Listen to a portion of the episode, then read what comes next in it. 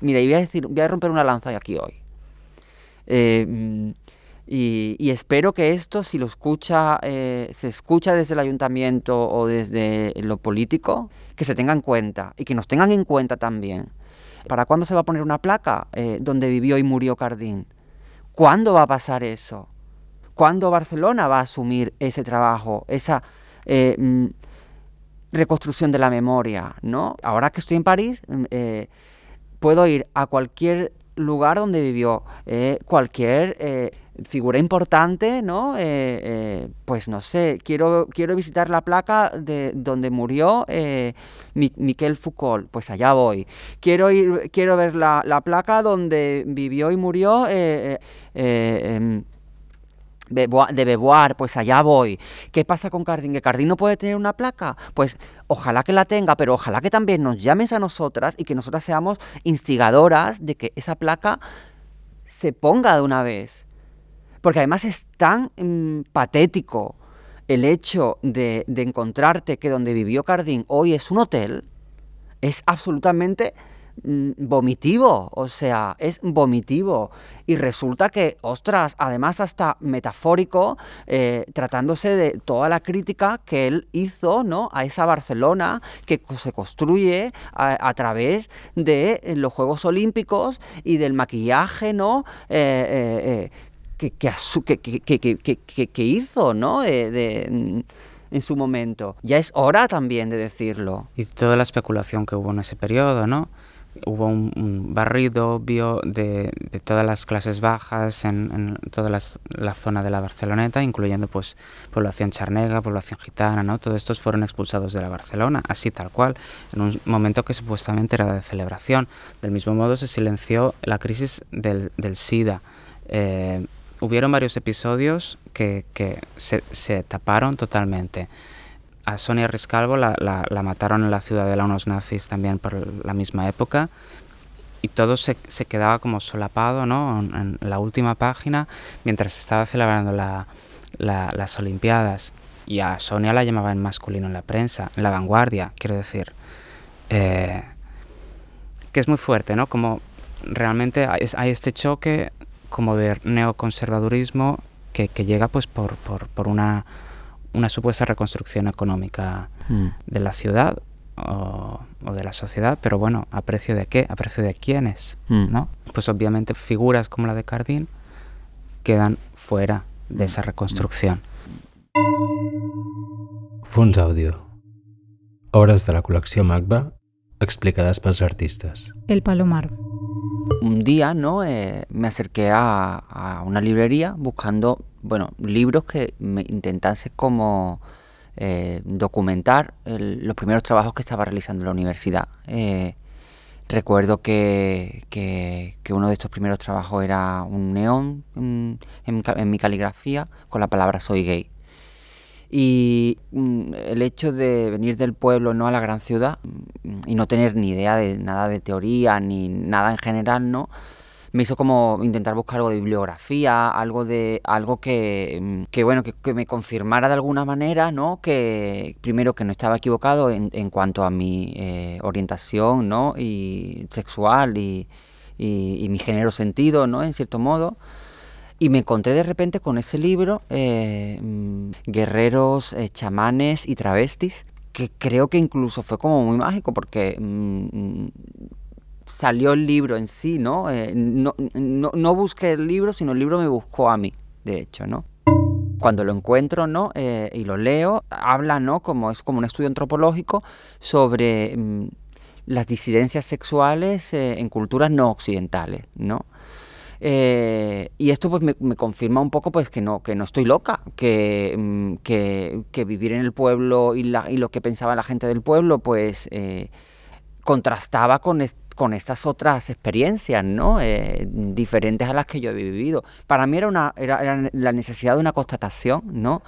De que lo que yo sentía eh, o como yo me definía o como yo era eh, era algo que, era totalmente viable y que era normal también ¿no? Eh, dentro de, mi forma de, vivir ¿no? o de mi forma de entender la vida Y ese fue el primer contacto que, que yo creo que tuvimos con Cardín. Yo no sé si Rafa, o si quiere contar Rafa también, cuál fue la primera vez que chocó con, con ese Cardín, ¿no? Y que luego pondríamos en común, ¿no? Yo creo que mi primer contacto con Cardín fue cuando tú me, hablaste de este libro para la primera exposición del Palomar.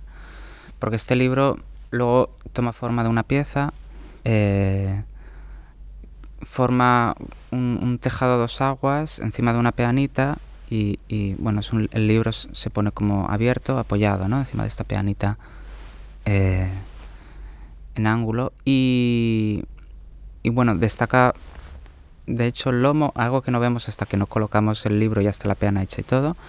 Vemos que la palabra travestis no está en el lomo. O sea que el título original, que es Guerreros Chamanes y puntos suspensivos, queda escrito así en el lomo. De, hecho, ese es el título de la, de la pieza, ¿no? de esa obra concreta. Entonces la ilusión de la palabra travestis en el lomo, o sea, en la parte del libro que queda en la biblioteca, ¿no? visible, eh, habla mucho de como incluso en un contexto donde se está empezando a publicar eh, libros, bibliografía original, eh, aunque esto igual no eran textos originales de Cardín, pero era una compilación original de Cardín, en este momento en, que España se está empezando a publicar eso, como incluso eh, hay este tapujo, este tabú que todavía pertenece al franquismo anterior, ¿no? A, esta persecución hacia las personas, en este caso las travestis, ¿no? Eh, y bueno, esta censura eh, del, del lomo, pues queda al final manifestada en esta pieza cuando Rafa y yo nos juntamos, eh, eh, yo ya tenía una gran parte ¿no? de, la bibliografía de Alberto Cardín recopilada. Eh, pero que cada vez que indagábamos más y, ya cuando Rafa entró y empezamos ya a indagar más y más y más, bueno, fuimos cada vez descubriendo cada vez pues más esa multifaceta ¿no? que, que, que Cardín tenía, ¿no? Mm. Sí, era alguien que, que incluso comentaba referencias de películas a la persona que estaba encargada de la filmoteca. Era alguien, digamos, agitador para la época, ¿no? Agitador cultural, yo creo que le, mm, mm. le, pega mucho como concepto porque realmente era alguien que, que estaba pues buscando eh, qué había en la dirección que, que, él trabajaba, ¿no? Eh, mm. pues eh, de la disidencia sexual como disidencia, no como no, no, sin perseguir esa normalización ¿no? que los colectivos homosexuales estaban en parte buscando, ¿no? Eh, y, y, y, luego, pues, cuestiones sobre antropología, psicología, eh, circundaban un poco toda su obra, todos sus intereses y, y todo lo que podía comentar, eh, promocionar o criticar a nivel cultural lo hacía, ¿no? Mm. Era alguien también que criticaba mucho en columnas de opinión en prensa y en un momento como la transición, que fue su, su periodo activo, pues yo creo que fue alguien influyente también en ese sentido, ¿no? Mm. Ah, como alguien que dio, de, dio mm, cosas que pensar. Bueno, él de hecho fue incluso eh, profesor de la Universidad de Barcelona en la Facultad de Bellas Artes como profesor de Antropología del Arte. Eh, fue también uno de los, de, los primeros, ¿no? Eh, bueno, del núcleo que reformó la universidad en aquel momento. Y también mm, hay que tener en cuenta ¿no? que, que como figura mm,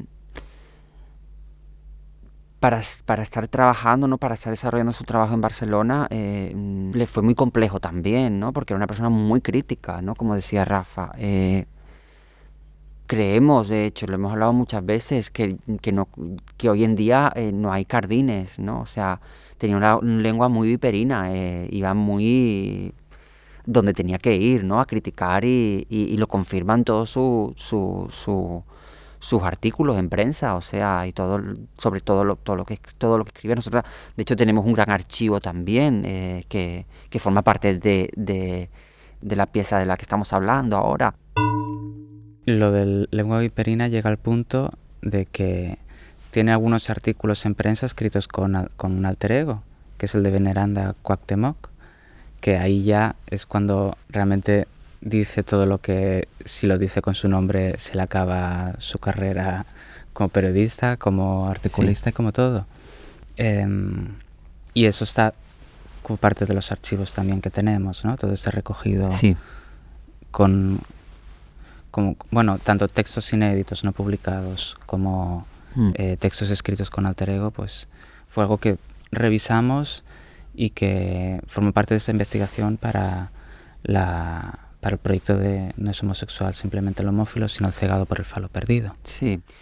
Digamos que eh, mm, cuando nos conocimos Rafa y yo, cuando, ah, cuando, mm, cuando nace el Palomar, eh, eh, ya en la primera exposición que realizamos dentro del Palomar, que fue una puesta en común de trabajos eh, tanto de Rafa como míos y que de repente como que lo mezclamos todos, ¿no? Lo hicimos como una mezcla en común de todos esos trabajos. eh, ahí apareció ya Cardin. O sea, apareció ese tejado, esa escultura de, tejado dos aguas, que además mm, simbólicamente mm, también era el tejado que le faltaba al palomar, porque la- el palomar era como un- tenía como, bueno, el, el típico también edificio barcelonés, ¿no? Con terraza, o sea, que tiene como el tejado, no tiene tejado, ¿no? A dos aguas, sino que es recto, ¿no? Como Raso, sí. a raso. Y em, eh, hubo también otras piezas ahí que, que también hablaban de Cardín, eh, eh, Lo próximo y lo ajeno, que también es el título de un libro suyo, que son una serie de 10 espejos cóncavos convexos, son de, cada, cada espejo es de un color diferente. Sí, es una obra a gran formato Sí. que juega mucho pues, con el reflejo y con la luz. Mm, Y se puede instalar de mil maneras diferentes mm. y realmente funciona de, de- de maneras muy diferentes según cómo lo instales. Yo creo que lo que unió todo este seguido de trabajos que, que seguimos haciendo alrededor de Cardin, de su obra, eh, fue la tesis que, que hiciste tú, Mario, ¿no? La tesina. La tesina. Sí, esa tesina de máster eh, me planteé seguir trabajando con la figura de Alberto Cardín, ¿no?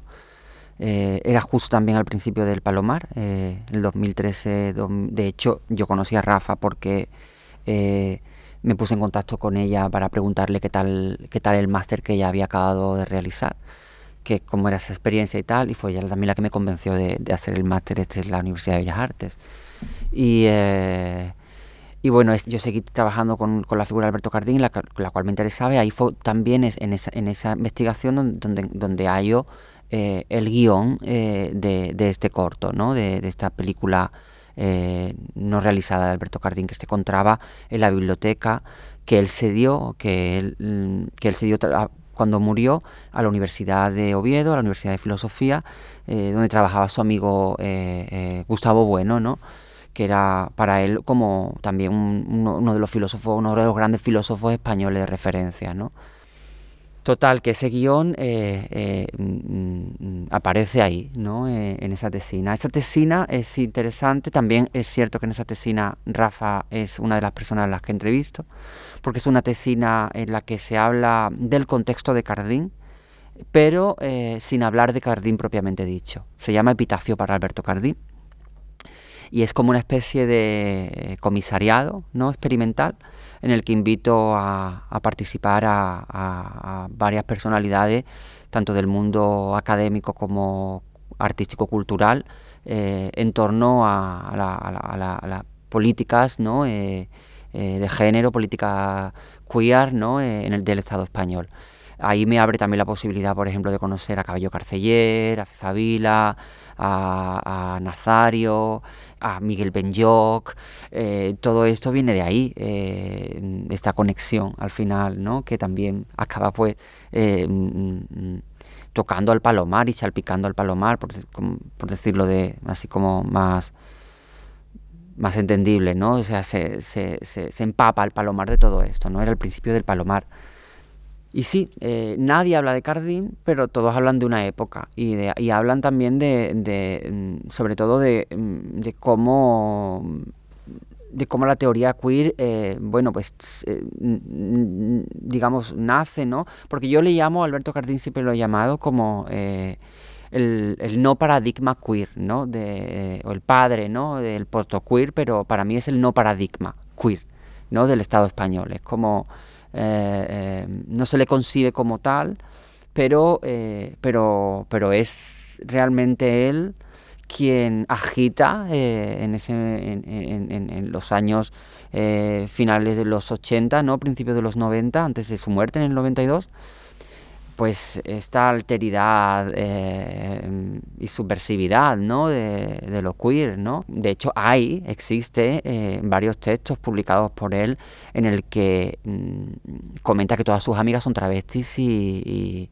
y, transexuales eh, con, son con las que se junta y eh, son su círculo más cercano ¿no? de amigas.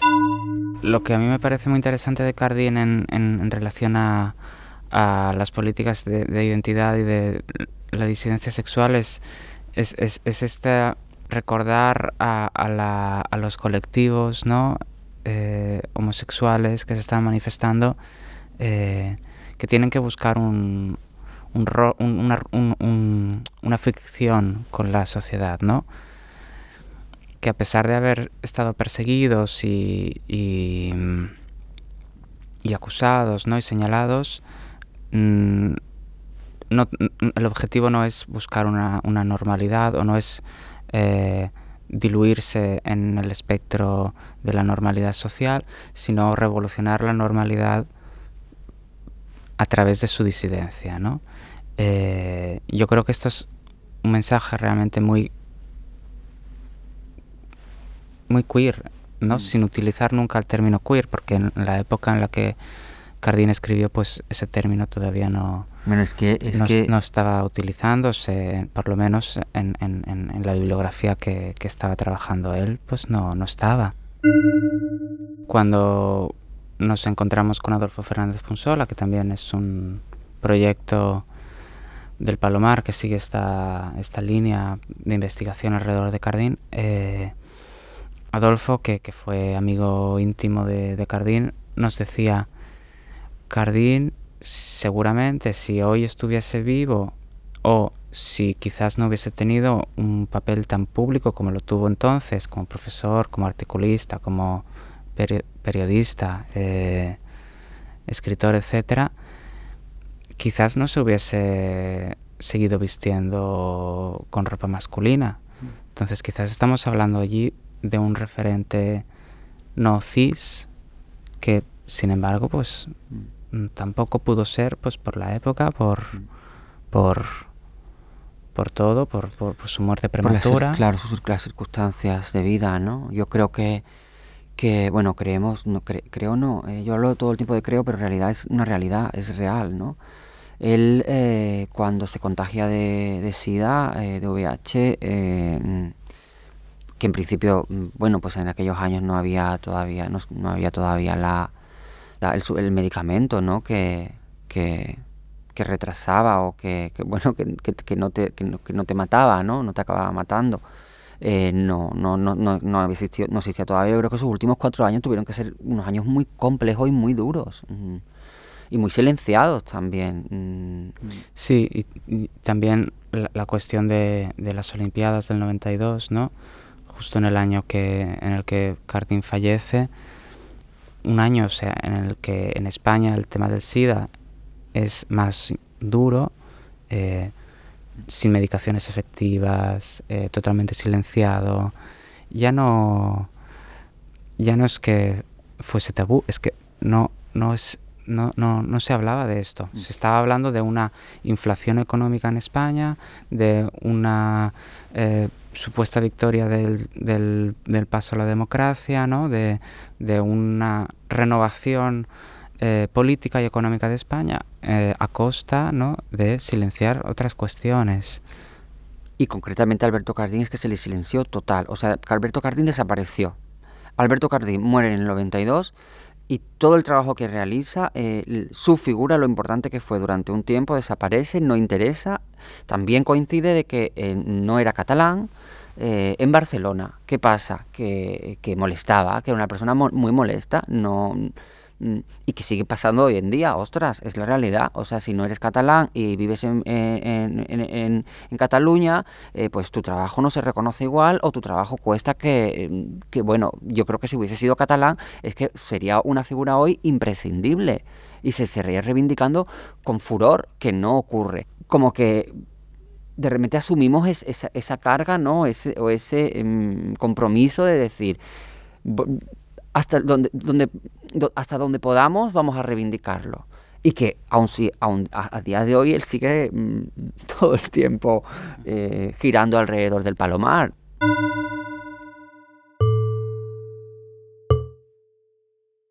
Eh, entrando en la obra, eh, esta parte de, de este guion, que, es un boceto de guion, mm, tiene algunos detalles eh, muy concretos acerca de, cómo tiene que grabarse, dónde tiene que grabarse, cuáles son los personajes, cuáles son los temas a hablar, pero hay algunas partes, como por ejemplo el texto, que no estaban y que tuvimos que completar.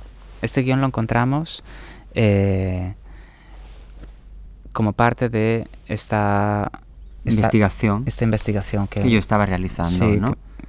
y que te llevó a, la biblioteca eh, personal de Alberto Cadedín, que, fue cedida a la, a la Universidad de Oviedo, a la Biblioteca de, Filosofía. Em, y allí se conservan una serie de documentos eh, que formaron parte pues eso, del archivo personal de Alberto Cardín. Pues está toda la obra publicada, y copias de toda la eh, prensa publicada escrita por él, cosas que le interesaban y mucho texto inédito. Eh, entre los textos inéditos había este boceto de guion fílmico. Fue lo único que tenía este formato, a pesar de que Cardín, como sabemos, fue un gran cinéfilo y seguramente pues eh, por estar cerca del mundo del cine a través de su primo, ¿no? de Jesús Garay, eh, tenía esa fascinación de, del, medio audiovisual, pero nunca dirigió nada. Sabemos que en algún momento quiso trabajar en una colaboración eh, fílmica, no sabemos si, fue, si iba a ser un corto, si iba a ser qué, pero mm, sabemos que habló con, con, Luis Fernández para esto. Esto nos lo dijo Jesús Garay. Pero también sabemos que eso nunca llegó a realizarse.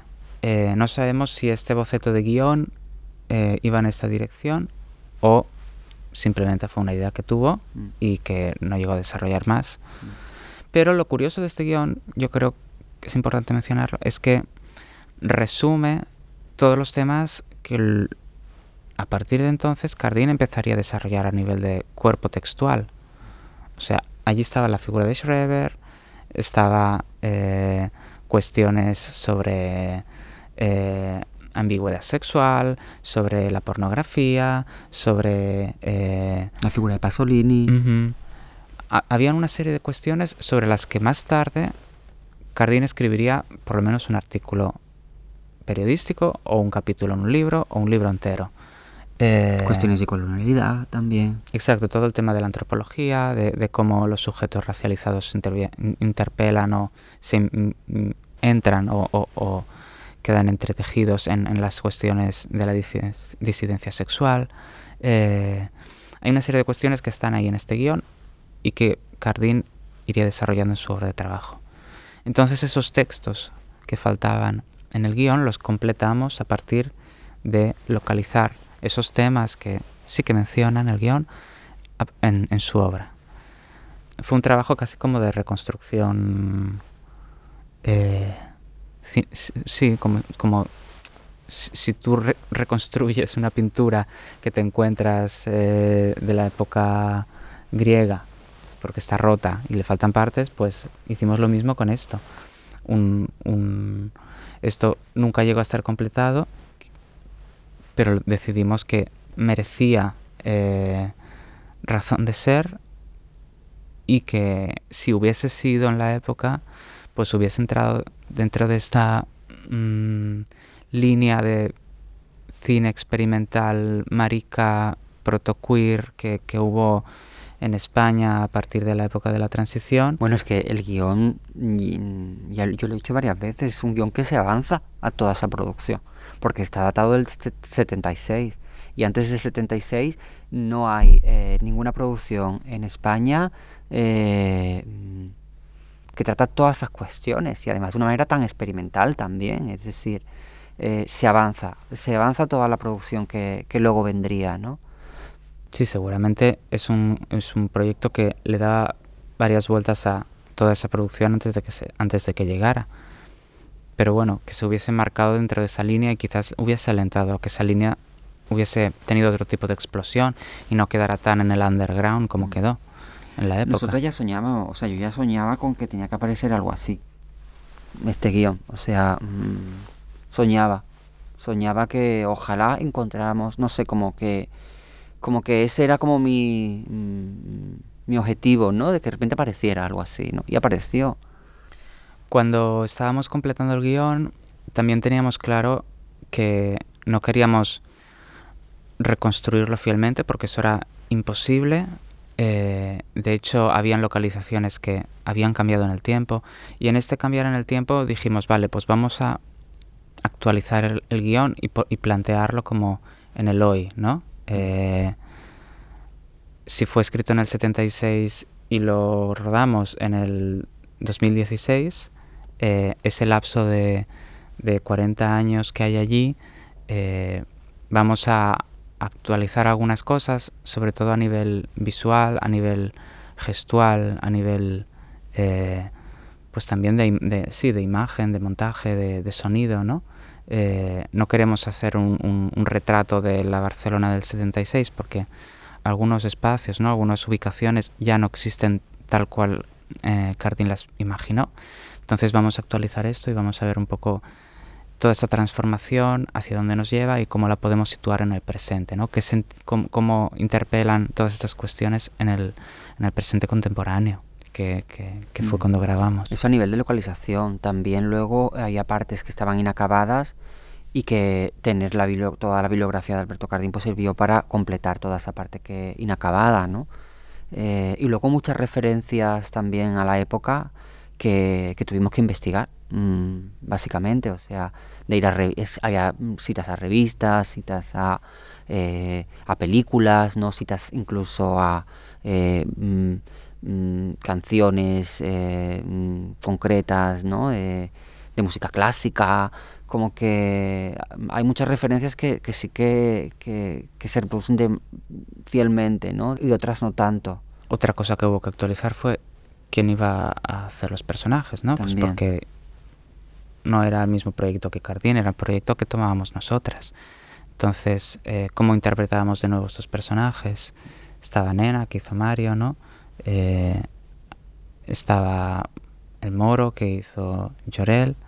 El Moro Ranita. El Moro Ranita. Que era como llamaban al asesino de Pasolini. Y, y una serie de, de cuestiones que, que, que, estaban en el guion y actualizamos, ¿no? Entonces, como dice Mario, eh, hubo una reconstrucción que, necesitó de una investigación bastante larga y compleja, por eso, porque habían partes como que estaban escritas, ese guion estaba escrito hacia él, no estaba escrito como para que fuese claro, era un boceto, era como para reescribirlo más veces y seguir desarrollándolo y ya hacer algo más entendible. Entonces había muchas referencias que estaban como a mitad, como para que él se acordase en otro momento. Interpretar eso a partir de ni siquiera haberle conocido en persona a Cardín, sino de conocerle pues a través de la obra, a través de la investigación que hemos ido haciendo. Bueno, menos mal que no lo quemó, que lo dejó ahí. Mm. Porque si, por ejemplo, quemó su tesis eh, sobre los indios de las praderas en América, los homosexuales indios, ¿no? Esto lo quemó, esa tesis desapareció, su tesis no existe. Eh, pero bueno, el guion quedó, oye. Sí, y en ese quedó, pues dijimos, pues esto que no pudo ser y que hubiese sido muy guay, vamos a hacerlo ahora, mm. ¿no? Porque. Pues porque tampoco hay mm. esto, ¿sabes? Más allá de, que hayan pasado 40 años. Entonces, eh... bueno, nos pusimos muy serias a la hora de, de hacer el guion que a veces tenemos también esta componente. Hacemos una fiesta, pero de repente decimos, ahora no, ahora serias, ¿eh? Ahora mm, dejarnos tranquilas. Sí, y, en ese sentido, incluso habían direcciones de cámara para algunos planos concretos muy específicos y esas indicaciones, mm. todo lo que pudimos seguir al pie de la letra lo hicimos muy al pie de la letra. Mm, y todo lo que no pudimos seguir al pie de la letra, pues allí entró nuestra fantasía y nuestra creatividad. Sí, sí. También hay que entender que nosotras el guion no lo trabajamos a lo mejor de la manera un, director de cine puede trabajarlo, ¿no? nosotras desde somos artistas, artistas visuales, ¿no? Artistas plásticas al fin y al cabo. Eh, y cuando cogemos el guion, eh, somos muchos de visualizar o de mm, o directamente ya de mm, mm, de vincular eh, con otras películas, ¿no? De escenas, de em, al final fue mucho texto, la forma, lo que fue cogiendo fue cuerpo textual, ¿no? Que era lo que faltaba también al guion. Eh, que fue pues eh, lo típico, ¿no? Eh, lo compartimos a través de, en un drive y vas metiendo todo, rellenando toda esa información, no toda esa todo lo que le falta al propio guion. O sea, el guion en sí, mm, mm, digamos que que, que, mm, que el nuevo cuerpo del guion es, es, es también esa escultura embalsamada de libros, ¿no? Que es de donde sale todo eso, ¿no? Eh, todo, todo lo que al final acaba como también exponiéndose en, la pieza visual, ¿no? Audiovisual. Eh, mm, sí, porque eso es lo que influencia realmente nuestra producción final.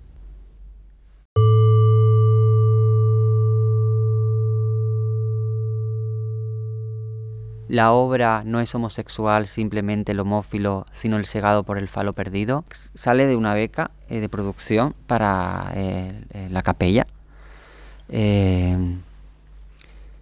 bueno, tuvimos la suerte ¿no? de tener ese guion para que nos dieran esa beca, porque mira que nos presentamos con anterioridad con otros proyectos más experimentales y no hubo manera, pero llegamos con esto que era como, mm, no te pueden decir que no, ¿no? Pero tampoco pero bueno, podríamos decir, ¿y por qué lo otro no? ¿no? Bueno, en cualquier caso, el, proyecto sale, ¿no? Eh, y tuvimos la suerte de, que ese mismo año eh, mm, los premios de Ciudad de Barcelona mm, reconocen eh, nuestro trabajo mm, como, no como el premio, no nos llamamos el premio, como mención. Como mención. La única vez que se ha hecho una mención en todos los premios de Ciudad de Barcelona en el ámbito de las artes ha sido para el Palomar en un año concreto, no el premio, pero la mención. Lo vamos a mencionar, pero no le vamos a dar el premio. Entonces esto ayudó, al menos, ostras, pues a que ciertos espacios que mm, institucionales que estaban cerrados, por ejemplo, como la casa de Muñoz Ramonet, que la que rodamos una escena con la nena eh, y el moro ranita, eh, pues nos, lo cedieran. Hubo como, bueno, como esta suerte, ¿no? De poder acceder a, espacios que de otra manera hubiésemos tenido que, que, que pagar, ¿no? Y ahí hubo también una eh, eh, Esther, Esther de la Capella, que, nos ayudó mucho también a, bueno, pues a buscar ciertos, ciertos lugares. Eh, hubo una ayuda mm, interesante ¿no? alrededor del proyecto. Es cierto que fue un proyecto que producimos muy rápidamente, que, que por nosotras Mm, lo hubiésemos dejado más en el tiempo, pero bueno, por razones que, que ellos eh, determinaron, tuvo que ser así de rápido, de producción rápido, en cuatro meses sacarlo. Gracias que veníamos ya investigando en torno a la figura, pues ya hace tiempo atrás, entonces pudo ser, si no hubiésemos tenido que rechazar también el haberlo hecho, ¿no? Que de hecho en, por un momento pensamos en decirles que no porque no nos pensamos no nos va a dar tiempo porque justo coincidía también con, la, con hedonismo crítico que presentamos tres meses antes al fin es que todo el presupuesto que, de producción lo invertimos en, eh, la película. O sea, lo que nosotras expusimos en la capella fue la película eh, expuesta en la pared de la propia capella, o sea, en la piedra de la capella, porque no quedó dinero para nada más, mm, quedó solamente para eso, para ponerlo así. No pudimos montar ningún tipo de de instalación alrededor de eso porque es que no hubo dinero. O sea, nos hubiese encantado. Si vamos, teníamos un programa por delante totalmente, todo lo que se fue luego dando de sí que fue pues esas intervenciones, esas performances que salimos a la calle, o estas invitaciones con Biel Mezquida, eh, eh, mm, o, ¿sabes? Eh, mm, fueron mm, trabajos que podían verse presentados dentro del contexto de la capella como actividades paralelas, pero es que no había dinero, entonces tampoco quisimos quemar toda esa, todo eso, ¿no? Ahí, eso fue así, ¿no? Podía haber sido mejor, se podía haber trabajado mejor. A nosotros nos, gusta mucho el resultado final, ¿eh? es muy fresco, es muy directo. Eh, yo, yo, creo que ese trabajo tiene, tiene un punto de ambición a nivel audiovisual por nuestra parte, pero es cierto que nosotras ya veníamos trabajando el vídeo desde hace muchos años. incluso individualmente, es un medio que hemos trabajado bastante. Eh, y, quizás ese fue como nuestro primer proyecto así más ambicioso a nivel de vídeo. Y contamos a algunas personas que nos ayudaron a grabar y a todo. Pero, pero es verdad que el equipo fue nada y menos y, y y bueno, y también muy un equipo muy generoso en aquel momento, ¿eh? o sea, de gente que lo hacía por... El Palomar ha funcionado muy así también, en general, o sea, en totalmente, muy autogestión, o sea que el proyecto, aún habiendo sido becado por la capella, tiene una parte de autogestión detrás también mm, muy potente, las cosas como son. Mm. Y que nosotros hemos sido, hemos hecho esto, hemos aprovechado las pocas oportunidades que tenemos cuando una institución se mete de por medio para que también podamos producir algo hemos aprovechado a lo máximo eh, el poder lanzar algo potente porque como tenemos tan pocas oportunidades de hacerlo, que cuando la tenemos realmente, pues salen bombas, eh, bombas de bienal. Alrededor de, del vídeo, ¿no? Eh, que es como la pieza central de la instalación, surgen como una serie de materiales y que incluso mm, otros podrían llegar en un futuro, porque todavía hay como bueno, más imaginario alrededor de, este vídeo que queremos como de repente poder mm, producir en un futuro si se dan las circunstancias adecuadas. Pero en este caso lo que este, hasta el momento lo que se produció fue eh, esta mesa, que, es una mesa eh, con, esta bibliografía eh, mm, mm, como no terminada, pero que abarca pues buena parte de la producción de Cardín eh, eh, desde diferentes ámbitos. Eh, escribir en los libros o editar en los libros o escribir un prólogo o, mm, algunos libros de esta colección. As de Bastos creo que era para Laertes, ¿no? la editorial Laertes. Son libros que están basados al vacío, eh, también este hecho hace que, de alguna manera estemos convirtiendo eh, esa, esa, esa, mesa, ¿no? documentación, en una obra en sí, escultórica. Eh, por eso necesitamos, por eso los libros necesitan em, em, estar al vacío. Aparte también conceptualmente mm, apela a, a, la idea de, de que no se han vuelto a que están como encerrados, ¿no? Como que no se han podido volver a editar, que son ediciones como muy concretas, ¿no? De los años 80 y que, y que de ahí no, no, no hay nada nuevo, ¿no? Eh, en torno a la figura de Cardín. Eh, acompañado también de una intervención que, que, hace en un programa de televisión que era como una especie como de juicio, ¿no? Se, llama, se llamaba Jurado Popular. Jurado Popular, exactamente, que, que Alberto Cardín a veces acudía ahí.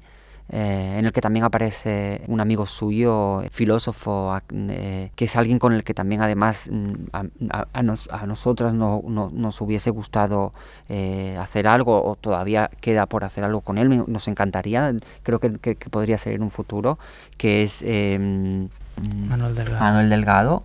Bueno, y aparece ahí como hablando sobre las religiones, ¿no? Que también hay como un libro suyo sobre, sobre diferentes religiones, ¿no? Eh, hablando un poco que, las religiones no son eh, malas de por sí, sino el uso que se hace de ellas, ¿no? Eh, esa es la instalación de la, de la mesa, ¿no? Bueno, la, la mesa también incluye unos folios como que se pueden instalar de maneras distintas. Nosotras lo instalamos como un carpesano, la primera exposición, y esos folios incluyen pues distintos artículos y textos de Cardín, tantos algunos de revistas, algunos como parte de su archivo personal, eh, hay algunos poemas también de por medio y hay las fotografías de Adolfo Fernández Punsola que nos había cedido en las que aparece Cardín. Sí, eso es una publicación, una publicación que nunca se hizo. Mm, y que lo metimos así. Y que lo metimos, lo metimos ahí y que podría haber sido la publicación, pero también se podría haber expandido.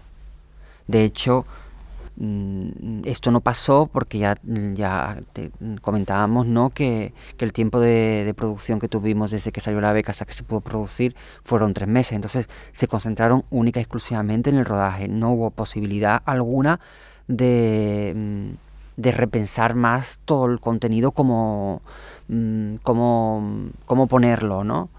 a nivel de instalación, sí, fue, fue eso, fue... Se podía haber trabajado mucho más, pero es verdad que que esta, esta idea de los libros eh, envasados al vacío, a mí me parece como, como un guiño a, un cuerpo embalsamado ¿no? de Cardín, como fragmentado y puesto sobre una mesa como podría ser una momia egipcia, que es algo que a él le hubiese encantado. ¿eh? Y es algo que hacemos también normalmente, ¿no? Eh, Sí, y, y también es, es, una referencia a este, a este completar el guion con los textos que, que están sacados de esos mismos libros, ¿no? Hay más libros ahí, mm. pero, pero digamos que todo el guion del, del, film a nivel de texto pues está sacado de algunos de los libros de, de esa mesa. Mm. Esa es una, es una pieza, eh, luego están también los pósters que introducen cada capítulo dentro del film y que, y que real, la idea era el póster original, o sea, la idea era grabar en un póster, ¿no? Y un póster sobre mm, diferentes eh, eh, temas eh, y decidimos eh, también introducir ahí como una especie de comisariado, muy, al, muy ah, como Palomar también trabaja, ¿no? Es como un comisariado de manera experimental, ¿no? Mientras estás al mismo tiempo que estás produciendo algo como artista. E invitamos a, a bueno, pues una serie de amigas de aquí del contexto de Barcelona, eh, que produciesen pues, los pósters que, que, que, que, introducían estos capítulos, ¿no? Sí. Y ahí aparece, pues no sé, está Comodora García, está Fraser Ruiz, está Lucía Egaña, está luego amigas... Está Nazario, Nazario está Geleton, Cabello Carceller, eh, George Jacotey. Mm. Eh, digamos que es, es, fue chulo porque el, en el guion eh, estaba la idea del del cartel, pero era una idea muy abstracta, entonces como te daba pie a que tú pudieras interpretar. Entonces nuestra invitación a cada artista fue interpretar un cartel a partir de esta frase, ¿no? Y cada artista pues, mm. pues realmente hizo lo que quiso a partir de ahí, a mm. partir de cada idea, ¿no? Mm. Y, y, y, la película también está todo el tiempo así, ¿eh? o sea, la banda sonora también la hizo eh, Agnes P, aparece también un capítulo de Jessie Per se, eh, o sea, quiero decir que, que en general, además son todos vinculados al mundo del arte contemporáneo, todo lo, toda la gente que trabaja dentro de la película, o sea que no es un lenguaje filmográfico desde las altas esferas, ¿sabes?, del cine, sino que realmente es arte contemporáneo. Sí, porque en, en general el film yo creo que está muy en la línea del, del, del cine experimental, de, no de un cine de, de, gran pantalla, sino que está más pensado para... El art cinema, sí, digamos. Para un... Sí, más... Tampoco videoarte en sí, pero sí cine experimental, yo creo, sí. Bueno, es que al final mm, tampoco lo, de, lo hemos de ver como cine experimental, eso ya lo hemos hablado, sino que es una instalación, una instalación de... Eh, en con su conjunto, ¿no? Sí, nosotros le dimos esta forma, ¿no? Cardín quizás no, no vio esta dimensión al inicio, pero nosotros al tomar el proyecto sí lo vemos como como una cosa que se extiende y que obviamente pues como tiene un trabajo detrás que le hemos añadido nosotras, pues se extiende a formato instalativo. Y de hecho la obra que ha adquirido el MACBA pues tiene la, en este caso, el vídeo y la mesa, ¿no? Con, con toda esta, esta, esta instalación. Y luego aparte hay otro, otro, otro elemento que es el guion original de, del film, que se presentó y, y, ahora para el MACBA también le hemos pedido que se haga lo mismo, se vuelve a imprimir muchas copias como para que la gente lo pueda llevar. Sí, es como una forma de devolver también ese legado, ¿no? A, y también una manera de, de, bueno, de no querer nosotras tener el mérito en sí de poder guionizar es, es, ese, ese, trabajo, ¿no? Sino que cual, cualquier otra persona si quiere puede, pues, pues, pues también experimentarlo, ¿no? Es decir, es como... Es dejar pie a que, yo qué sé, si dentro de 40 años más alguien quiere coger otra vez este guion y volver a hacerlo, pues puede ser un ejercicio interesante, ¿no?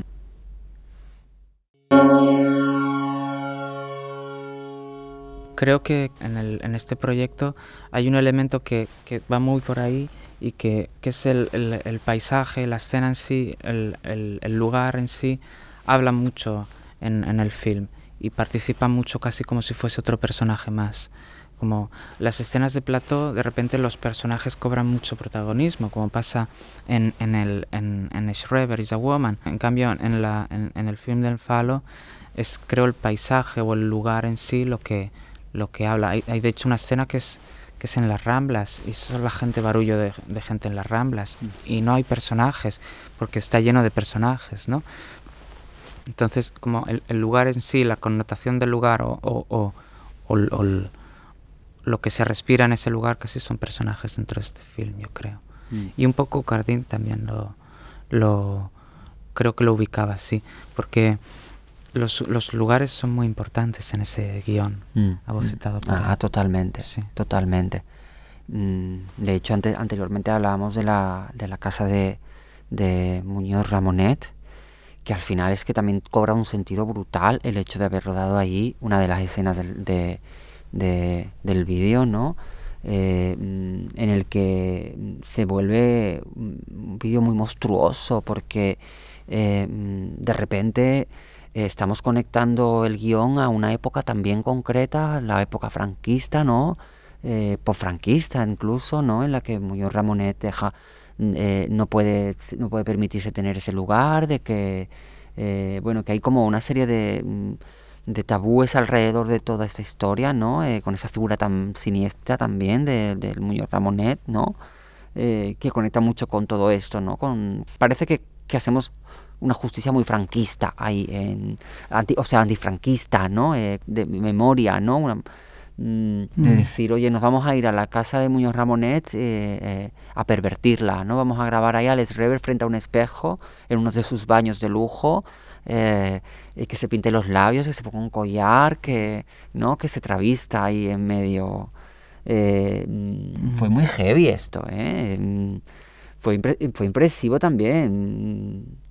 Sí, y las escenas del patio, la gente se asomaba por los balcones, la gente de ese barrio. Bueno, muy fuerte, muy fuerte, muy fuerte. Sí, sí, sí. Creo que todo está muy connotado. Hay todo, todo, el film tiene mucha connotación en todos los sentidos. eh, es muy rico en, ese aspecto, ¿no? Eh, eh, también cuando, cuando mm, rodamos en, en, las tres chimeneas de, del Besós, ¿no? En, ese, en ese espacio que hoy es digamos que uno de los espacios de cruising más conocidos de, de Barcelona, ¿no? Ya no, ya no existen. De hecho, es, es- es- es- ese esos planos que se grabaron allí, em, con Pasolini, además, mm, eran, primer- primeramente eran el basurero de la Barceloneta, que hoy no existe, que también era un espacio de cruising en su momento, ¿no? Eh, y que hoy se ha, hoy, hoy se ha mm, como dejado ahí a ese, a ese lugar, ¿no? Como periférico también, ¿no? Eh, que, que habla también de, de esa periferia marginal, esa periferia sexual, de esa... También los basureros han cambiado a nivel visual, así que hubieron algunas adaptaciones que tuvimos que hacer, ¿no? O luego también la plaza de, San Felipe Neri, ¿no? También aparece con la Virgen llorona, eh, que llora sangre. Eh, Ahí también nosotras decidimos convertir esa virgen en una santa águeda y darle Sí. otra capa. sí. mm, Mm. y hablar, bueno, de la castración de los órganos, ¿no? Pues Mm. porque, bueno, hay también la metáfora de, de Medusa, ¿no? Y de la, del, del corte de la cabeza y, y el título también habla un poco de, de, de la identidad homosexual como, como género a, a discutir, como, como cuestión a, a profundizar también psicoanalíticamente, pero teniendo una, una mentalidad pues queer. También aparece la idea de, de la muerte en Venecia, un poco. Tomamos, hay, hay referencias a la muerte en Venecia en la película, esta película, ¿no? E incluso, mm, de alguna manera, aparece mm, el tema de la pedofilia mm, de por medio. eh, mm, bueno, es una película bastante compleja, bastante compleja eh, eh, y, bast- y- y con temas eh, eh, algo tabú incluso a día de hoy. ¿eh? También hay, hay una, yo creo que, que responde mucho a esa eh, primera llegada de, de los libros de la filosofía postestructuralista francesa cuando llegan en- a España, ¿no? Eh, a, a los años, en los años 70, pues durante el franquismo, pues ya un poco casi Mm. medio, medio de escondidas, Sí, ¿no? Simón, y empiezan a mm. traducirse pues ya pues a partir de, de que termina la dictadura y tal, pero los primeros que leen los libros, antes de que se traducen ni nada, Sí. pues so- son esta banda, es, es, Sí. es Cardín, ¿no? Y, y todo es, yo creo que este film pues bebe mucho pues de, de- de una serie de cuestiones que, sí. que, que, que pertenecen a ese contexto al final. Mm. Pues donde entra también Pasolini, donde pues entra también Schreber, donde entra también pues las cuestiones de la sexualidad infantil y también de, de, la, de la pedofilia, ¿no? Y la discusión alrededor de todo esto, que son temas que pues no se han trabajado y, bueno, mm. pues porque igual como hubo un barrido a partir del SIDA y, y así como pues determinadas teorías como Foucault, etcétera, se les mm. ha seguido eh, dando una continuidad a, nivel, a nivel académico, por lo menos, en, determinados contextos. Aquí casi hemos pasado página y no ha sido hasta que ha vuelto la, la, teoría queer desde fuera que, que hemos vuelto a, a, esto. Es que incluso Paul Preciado, que igual es uno de los artífices de la teoría queer aquí más importantes, se, se, tuvo que ir fuera de España para seguir desarrollando su teoría. Entonces, este, esta especie de éxodo de, del... Eh, ¿cómo decirlo?, de la herencia en, en, esta genealogía ¿no? de la disidencia sexual y de género en España es complicada y, y es, es, está por hacer todavía. Como no, no ni siquiera tiene cuerpo aún. Mm. Porque nosotras estamos intentando darle cuerpo, pero, pero tampoco podemos dárselo solas, ¿no? Como mm. que realmente tiene que haber una, una labor mucho más, más común. Hablo de artistas, teóricas, instituciones, ¿no? Un poco todas a la misma, porque si no, las teóricas hacen lo que puedan dando clases en sus escuelas, pero si tampoco están reconocidas académicamente al nivel que podía haberlo estado Foucault, por ejemplo, ¿qué desarrollo va a haber? Mm, es complicado. Yo creo que no hay cuerpo todavía para, para una teoría queer o no queer, pero una teoría de la disidencia eh, de género en España que es fiel a su historia, no la hay. Y este trabajo intentaba reconstruir un vacío allí. Mm. Sí, es un granito de arena en medio de un desierto, o sea. Mm. Volviendo un poquito a, la obra de Cardín, mm, hicimos algunas performances en la calle siguiendo esta línea de reivindicación, de, muchas performances consistían en releer textos mm, suyos, mm, ¿no? Mm. coger cosas que igual no se habían publicado. Bueno, esta performance que hicimos en la calle conecta totalmente con, con Ocaña, porque, eh, bueno, empezamos en la casa de Ocaña, porque también hay que decirlo, lo que se ha dicho de Ocaña, lo que se dice de Ocaña hoy en día, lo dijo ya Cardín todo lo que se dice hoy se repite, fue lo que Cardín ya escribió en su momento, está escrito. O sea, que, mm, que, fue él realmente quien dijo quién era Ocaña. Ocaña es hoy eh, la mamarracha y la queer tan reivindicada porque Cardín se encargó de eso, de hacerlo el Ocaña que hoy merecemos también, ¿no? También es curioso como Cardín, que aparte de escribir sobre Ocaña, era amigo de Ocaña, eh, acompaña a Ocaña en una especie de, de, crecimiento o enriquecimiento personal, ¿no? Le, le nutre determinadas cosas, le, le, le conversaciones que yo creo que eran radicales y, y le desafía en cuanto a identidad, en cuanto a, a referentes, en cuanto a lo que hacer, ¿no? Mm temas sobre los que Ocaña tiene muchos conflictos a lo largo de su trayectoria, ¿no? Mm. Sobre cómo quiere representarse, cómo quiere ser recordada, ¿no? Mm. Cómo quiere, qué arte quiere hacer, ¿no? Mm. Eh, son temas que, que, que, forman parte de su, de su obra.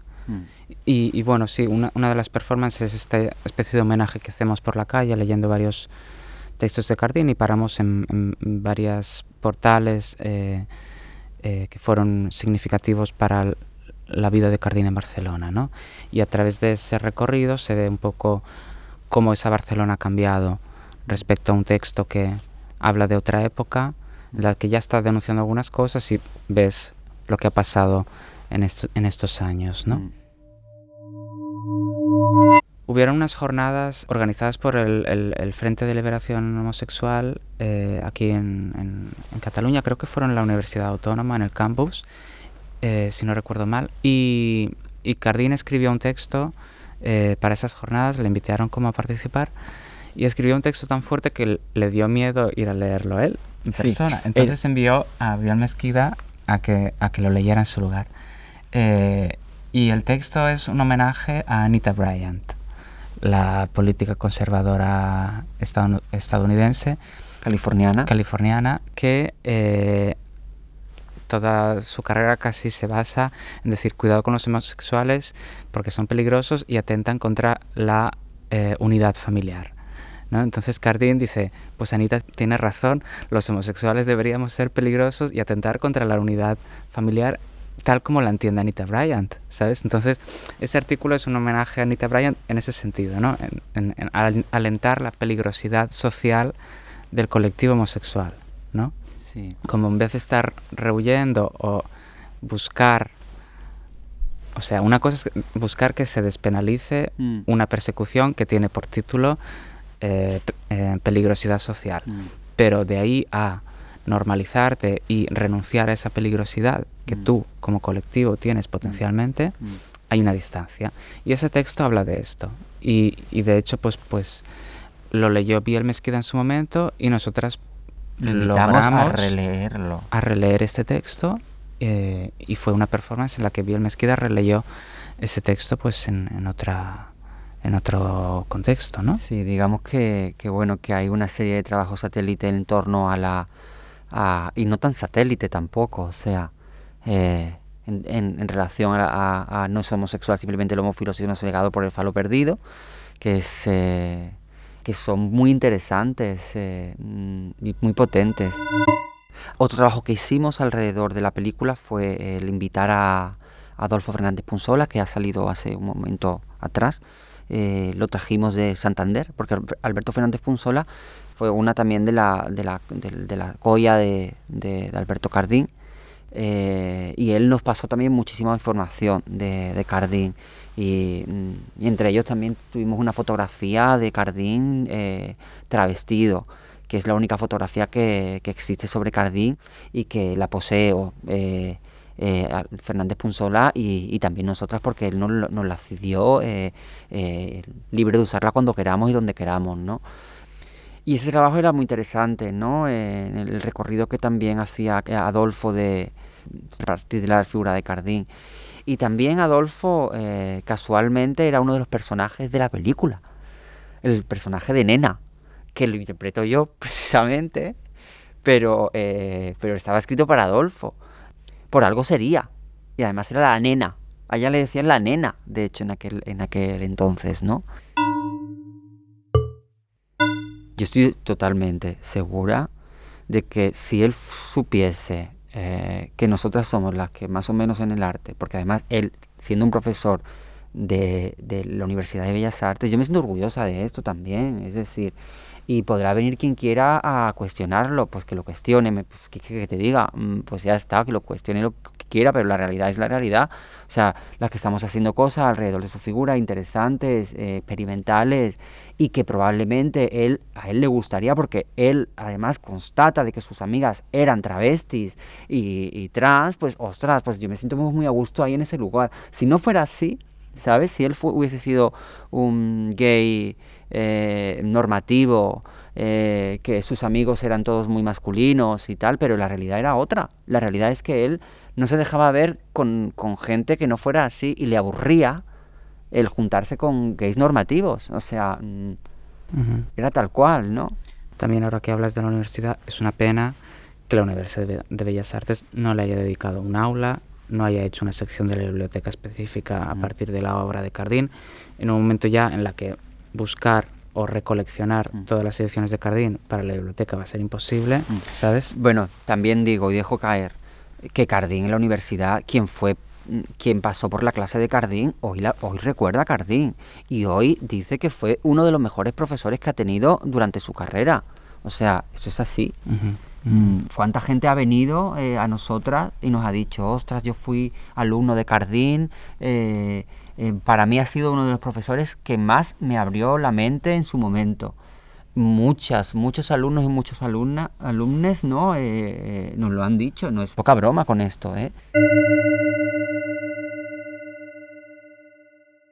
Cuando piensas en personajes que no son cis y partes desde esa, experiencia, ¿no? Como, como decía Mario, pues es, es una, una una situación bastante excepcional o súper excepcional en el panorama español actualmente, realmente mm, sentirte atravesado por la investigación es, es, diferente a leerla y a entenderla o sentirte afín, ¿no? Y quizás es, es no sé, nosotras podríamos poner este ejemplo pues con, con la teoría de colonial, ¿no? Eh, nosotras podemos sentirnos eh, empatizar, podemos empatizar, ¿no? Podemos eh, emocionarnos, podemos eh, enamorarnos, podemos sentir la misma rabia que una persona racializada, pero esa experiencia no la vamos a tener. Entonces, así como es importante que cuestiones sobre la decolonialidad se escriban pues, por personas que, que, que, viven esa experiencia, pues lo mismo es importante que cuestiones que tienen que ver con tránsitos de identidad, con disidencia identitaria, con eh, mm, caminos eh, diferentes respecto a un sistema cisgénero, lo escriban personas que, tienen esa experiencia, ¿no? Y ese, ese, ese sentirte atravesado por, por toda esta esta experiencia es una manera de entenderlo, ya no solo de entenderlo, sino de tenerlo presente en cada célula de tu cuerpo. Eh, que es muy diferente a entender algo o sentirte muy afín a alguien. Eh, es recordarte cada día de, de, todo esto, de toda esta información. Entonces, que no te vas a olvidar de, algunas cosas, no vas a pasar por algo, por alto algunas violencias. Eh, es, es, es, marca, eso marca la diferencia absolutamente.